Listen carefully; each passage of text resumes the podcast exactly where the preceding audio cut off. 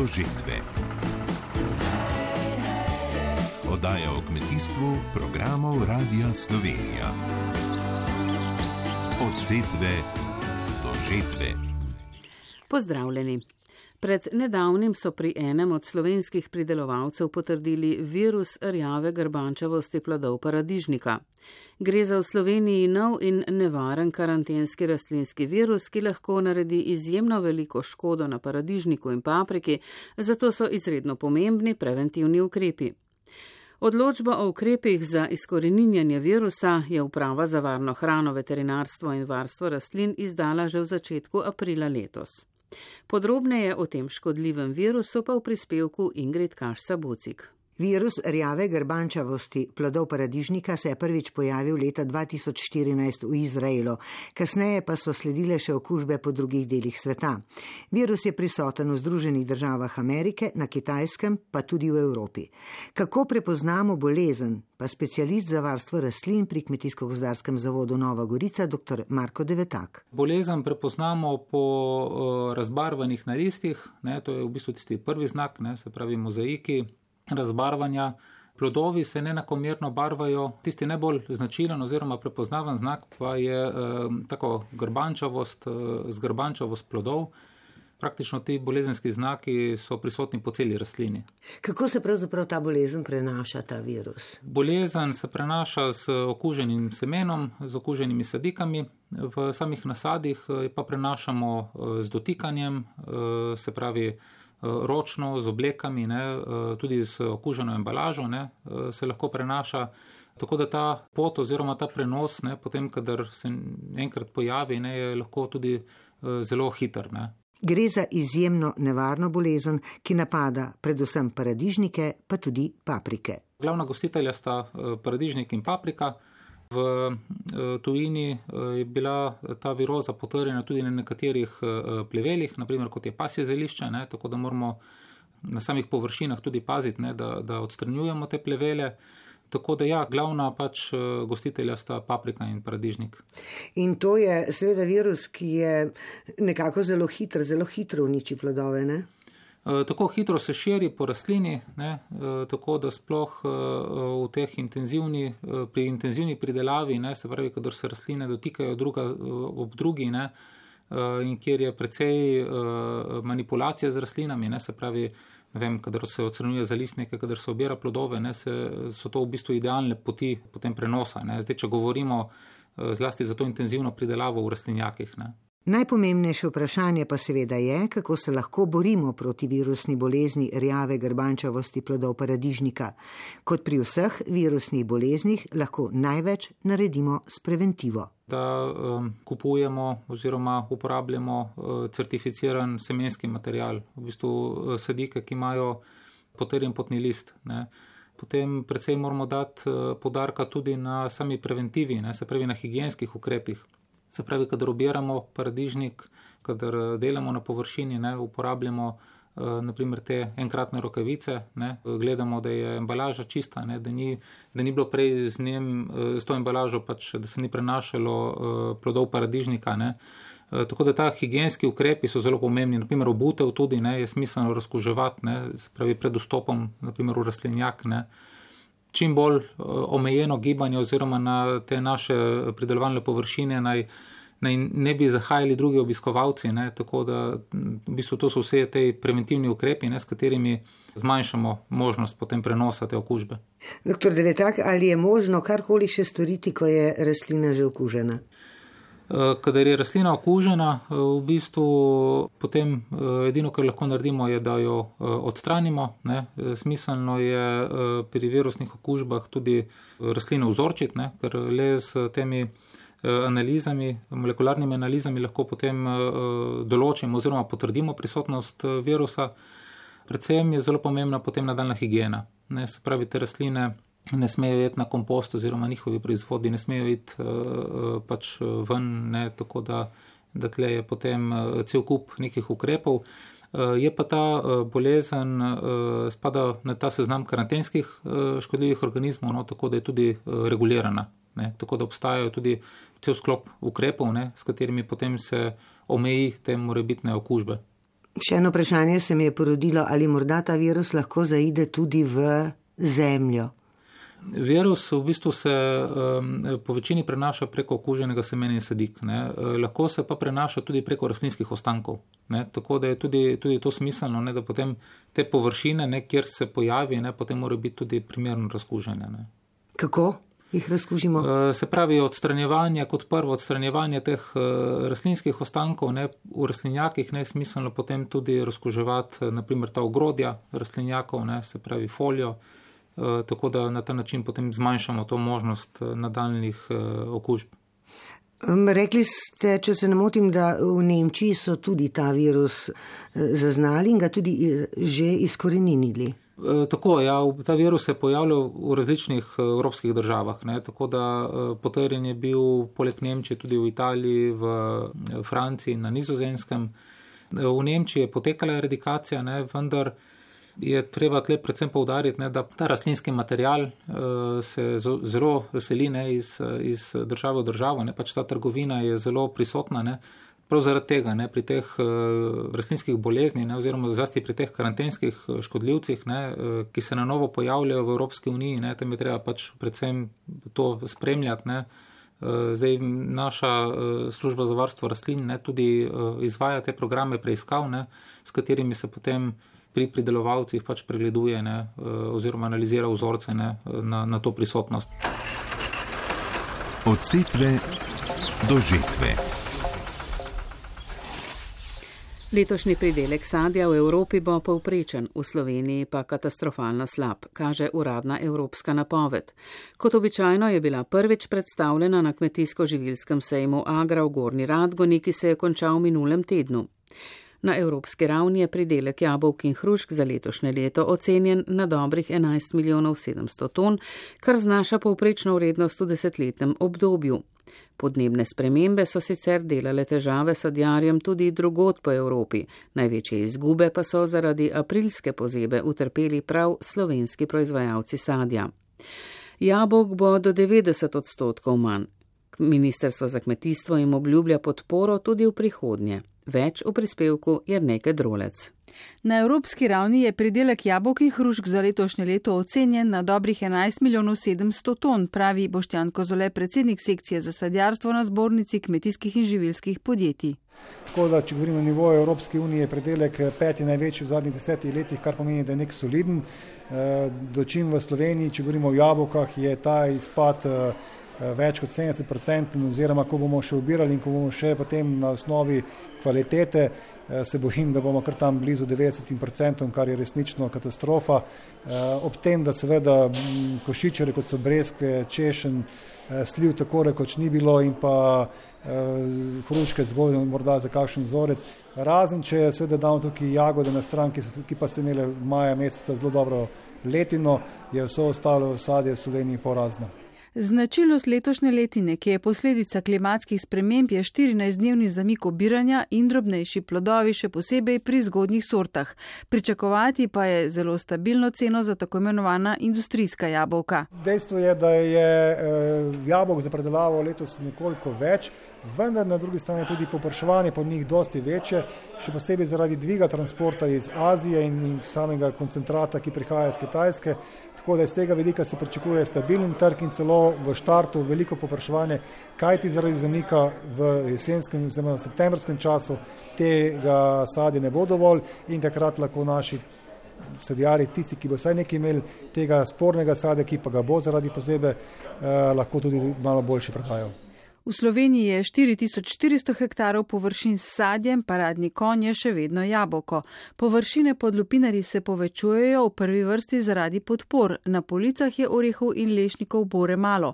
Nekaj več je jagodičevja, v prihodnje pa bo pričakovati tudi nekaj več ostalega sadja. Po podatkih kmetijskega ministrstva jih je že 49 vrst.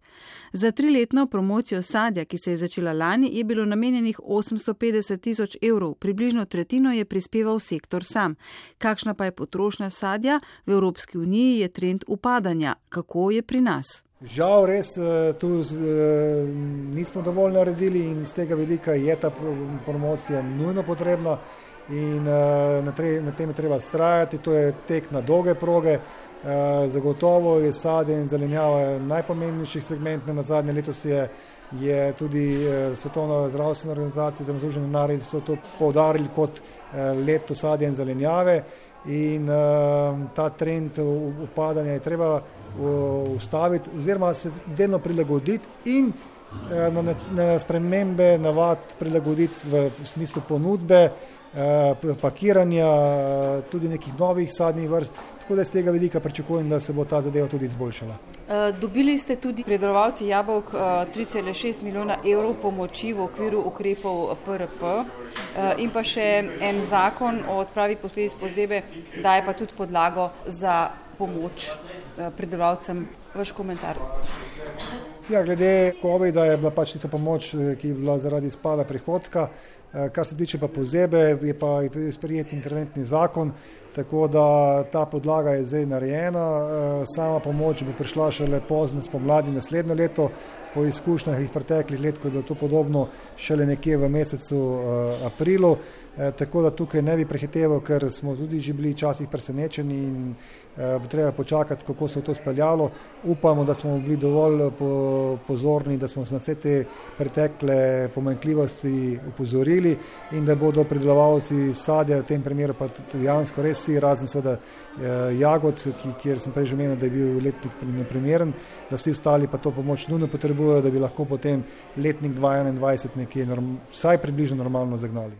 V minulem tednu je bil v razpravi o oblikovanju strateškega načrta skupne kmetijske politike za prihodnje obdobje do leta 2027 na sejmu Agra narejen nov korak.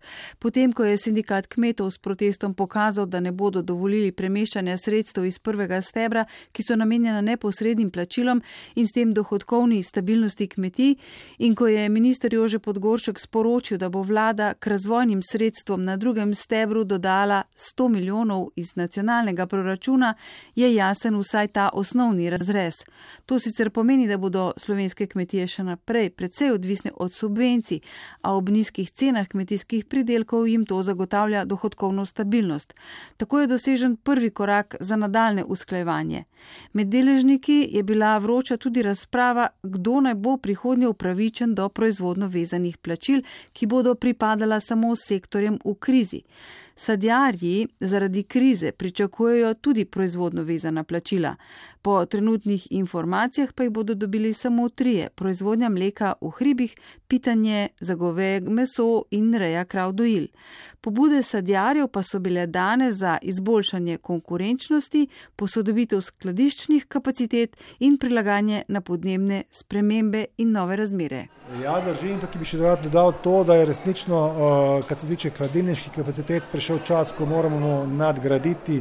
Mi smo imeli ciklus tam koncem 90-ih, zelo močen in se je postavilo lepo število hladilnic, dejansko dovolj, da to, kar danes predelujemo, vendar minilo je 20 let. Tehnologija je šla naprej in tu je resnično nujno potrebno, čeprav se ukvarjamo zdaj s podnebnimi vplivi in s krizami, ki jih imamo zaradi tega, vendar hladilnica smo naredili en velik zaostanek in tu bo treba nek poseben razpis nekem obdobju, ki bi to zadevo nadoknadil in da bomo tukaj ujeli korak za razvito Evropo. Ta razvita Evropa pa tudi Poljska. Poljska ima recimo veliko boljše hladilnice. Minister Podgoršek obljublja podporo sadjarjem tudi v prihodnje, zlasti pri investicijah, sicer pa bodo v prihodnji perspektivi za razvoj sadjarstva ključno vlogo imele organizacije ali skupine proizvajalcev. Od setve do žetve. Na obisku. Občina pod četrtek, Društvo vinogradnikov Virštan Kozjansko ter Turizem pod četrtek, Bistrica obsotli in Kozje so združili moči in v minulih dneh je občina pod četrtek s partnerji zaključila aktivnosti projekta Banovina, v katerem so pridobili urejen objekt kulturne dediščine na Banovini na Virštanju, ki so ga poimenovali Centr za promocijo vin, kulture in turizma.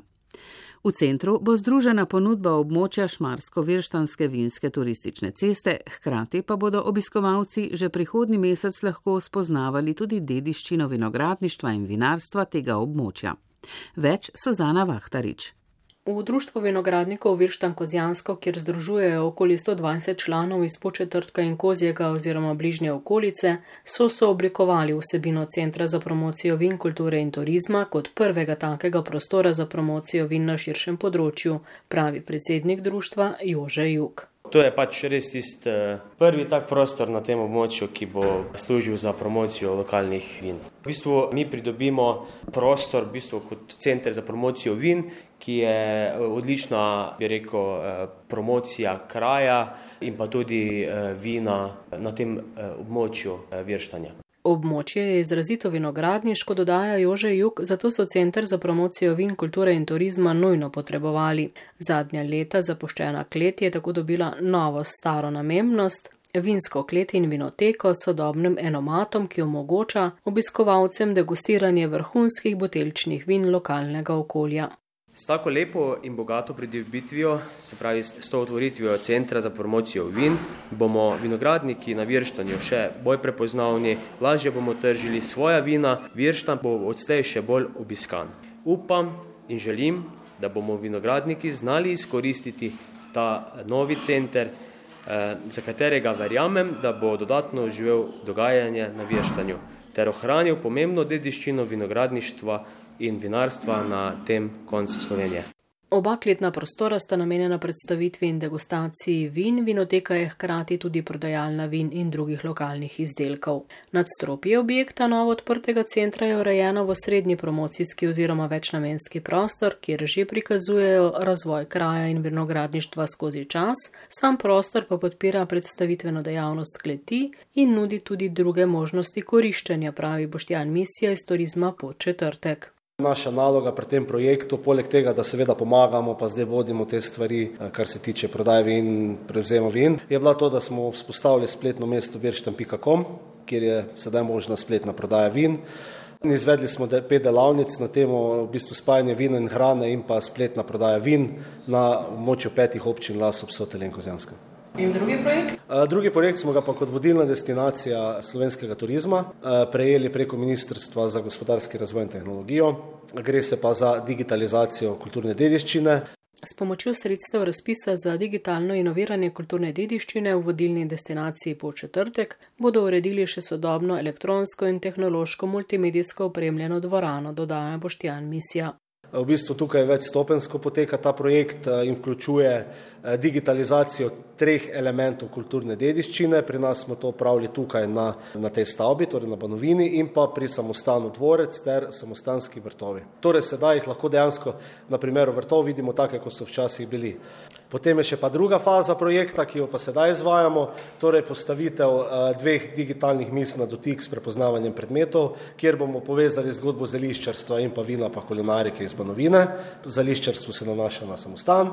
Potem postavili smo okoli ene panoje, ki predstavljajo zgodbo Banovine in vinogradništva. Na vrhu Banovine to še pa sedaj ni izvedeno, pride pa taka ena soba, kjer v bistvu mi že celo leto snemamo, kako se predeluje vino, kaj se počne s trto, dela vino vinogradu in bo potem neki 360 eh, prikaz VR očali, kako se vse to počne. Na koncu zadnja faza, bo, ko bo zaključeno, bomo pripravili butično petzvezdično doživetje, ki bo vključevalo eno vino, kulinariko in pa seveda turizem, to eno storitev, ki jo bomo potem to tudi prijavili na Slovenija Unique Experiences in potem tudi tržili. Celoten projekt naj bi končali letos oktobra. Njegova vrednost je nekaj čez 200 tisoč evrov, večino so pritegnili strani ministerstva. Še enkrat toliko je občina po četrtek prispevala v ureditev same stavbe, potem ko so leta 2015 kupili prazen objekt Banovine, uredili okolico, cestne povezave in ga obnovili, pravi župan po četrtka Peter Misja. V lanskem letu smo dobili odobren projekt iz Lasa oziroma evropska sredstva, ki so na voljo z kmetijskega dela 100 tisoč evrov, vse skupaj stane 200 tisoč evrov, to se pravi, da je približno polovica. Ta objekt je zdaj urejen tako, da ima promocijski center, tako kot je bil tudi namen v spodnjem delu, je vinoteka in pa seveda degustacijski prostor, v zgornjem delu pa interaktivni prostori v dveh nadstropjih, v enem delu interaktivna tabla, ki, v katerem lahko prepoznaš od jedi, pijače, hrane, tudi vsega okoliškega, kar se ti lahko zgodi. In pa v nadaljevanju, to pa bo od septembra šele, pa pride tudi osem eh, očal, s katerimi se boš pa lahko sprehajal med vinogradi oziroma v živo videl, kako vinograd raste, kaj se dogaja z vinogradom čez leto. Kot rečeno, v Centru za promocijo vin, kulture in turizma v Virštanju združujejo vinsko ponudbo z območja Šmarsko-Virštanske vinske turistične ceste. Hkrati pa bodo obiskovalci lahko spoznavali tudi dediščino vinogradništva in vinarstva tega območja. Od setve do žetve. Čisto za konec še napoved 32. festivala dobrote slovenskih kmetij, ki bo potekal v Minoritskem samostanu Ptuj od 3. do 5. septembra. Novost projekta je nova internetna stran trikrat dvojni ve dobrote slovenskih kmetij.si. Na portalu sodeluje 114 kmetij. Pogoj za uvrstitev kmetije nan pa je, da je vsaj enkrat sodelovala v ocenjevanju na dobrotah slovenskih kmetij, v projektu in festivalu, na katerem sodelujejo vsi zavodi Kmetijsko-gozdarske zbornice, Peter Pribožič z Kmetijsko-gozdarskega zavoda Ptuj. Projekt pokriva celo Slovenijo, začne se v januarju z razpisom, potem eh, do konca maja so potekala ocenjevanja. Naj povem, da je bilo 987 izdelkov v ocenjevanju, 883 je nagrajenih. Bomo pa na portalu tudi predstavili zdaj elektronski katalog. Eh, vsi izdelki, ki so v ocenjevanju bili, so fotografirani in bodo tudi v tem elektronskem katalogu z vsemi podatki kmetij dosegljivi in tudi na ta način promoviramo to slovensko hrano eh, kmetij, ki sodelujejo na dobrotah in pa jih seveda spodbujamo, da se tudi z vsemi podatki vpišejo na portal. Eh, sam, eh, sam dogodek na Ptuju je vedno zaključni del samega senzoričnega ocenjevanja s podelitvami priznanj. Ponavadi je tudi razstava, dobrot tokrat razstave kot take ne bo, zaradi, tudi zaradi težav zaradi COVID-a ki smo jih, eh, praviloma je to v maju, predstavili smo v septembru, ampak tudi zdaj ne bo čisto enostavno speljati, ampak program je pripravljen. Oddajo smo pripeljali do konca, pod njo se podpisujemo tonski mojster Vladimir Jovanovič in novinarke Jrnejka Drolec, Ingrid Kašca Bucik, Suzana Vahtarič in Sabrina Mulec, ki sem jo uredila in vodila. Pa lep preostanek nedelje želimo od setve do žetve. Oddaja o kmetijstvu programov Radia Slovenija.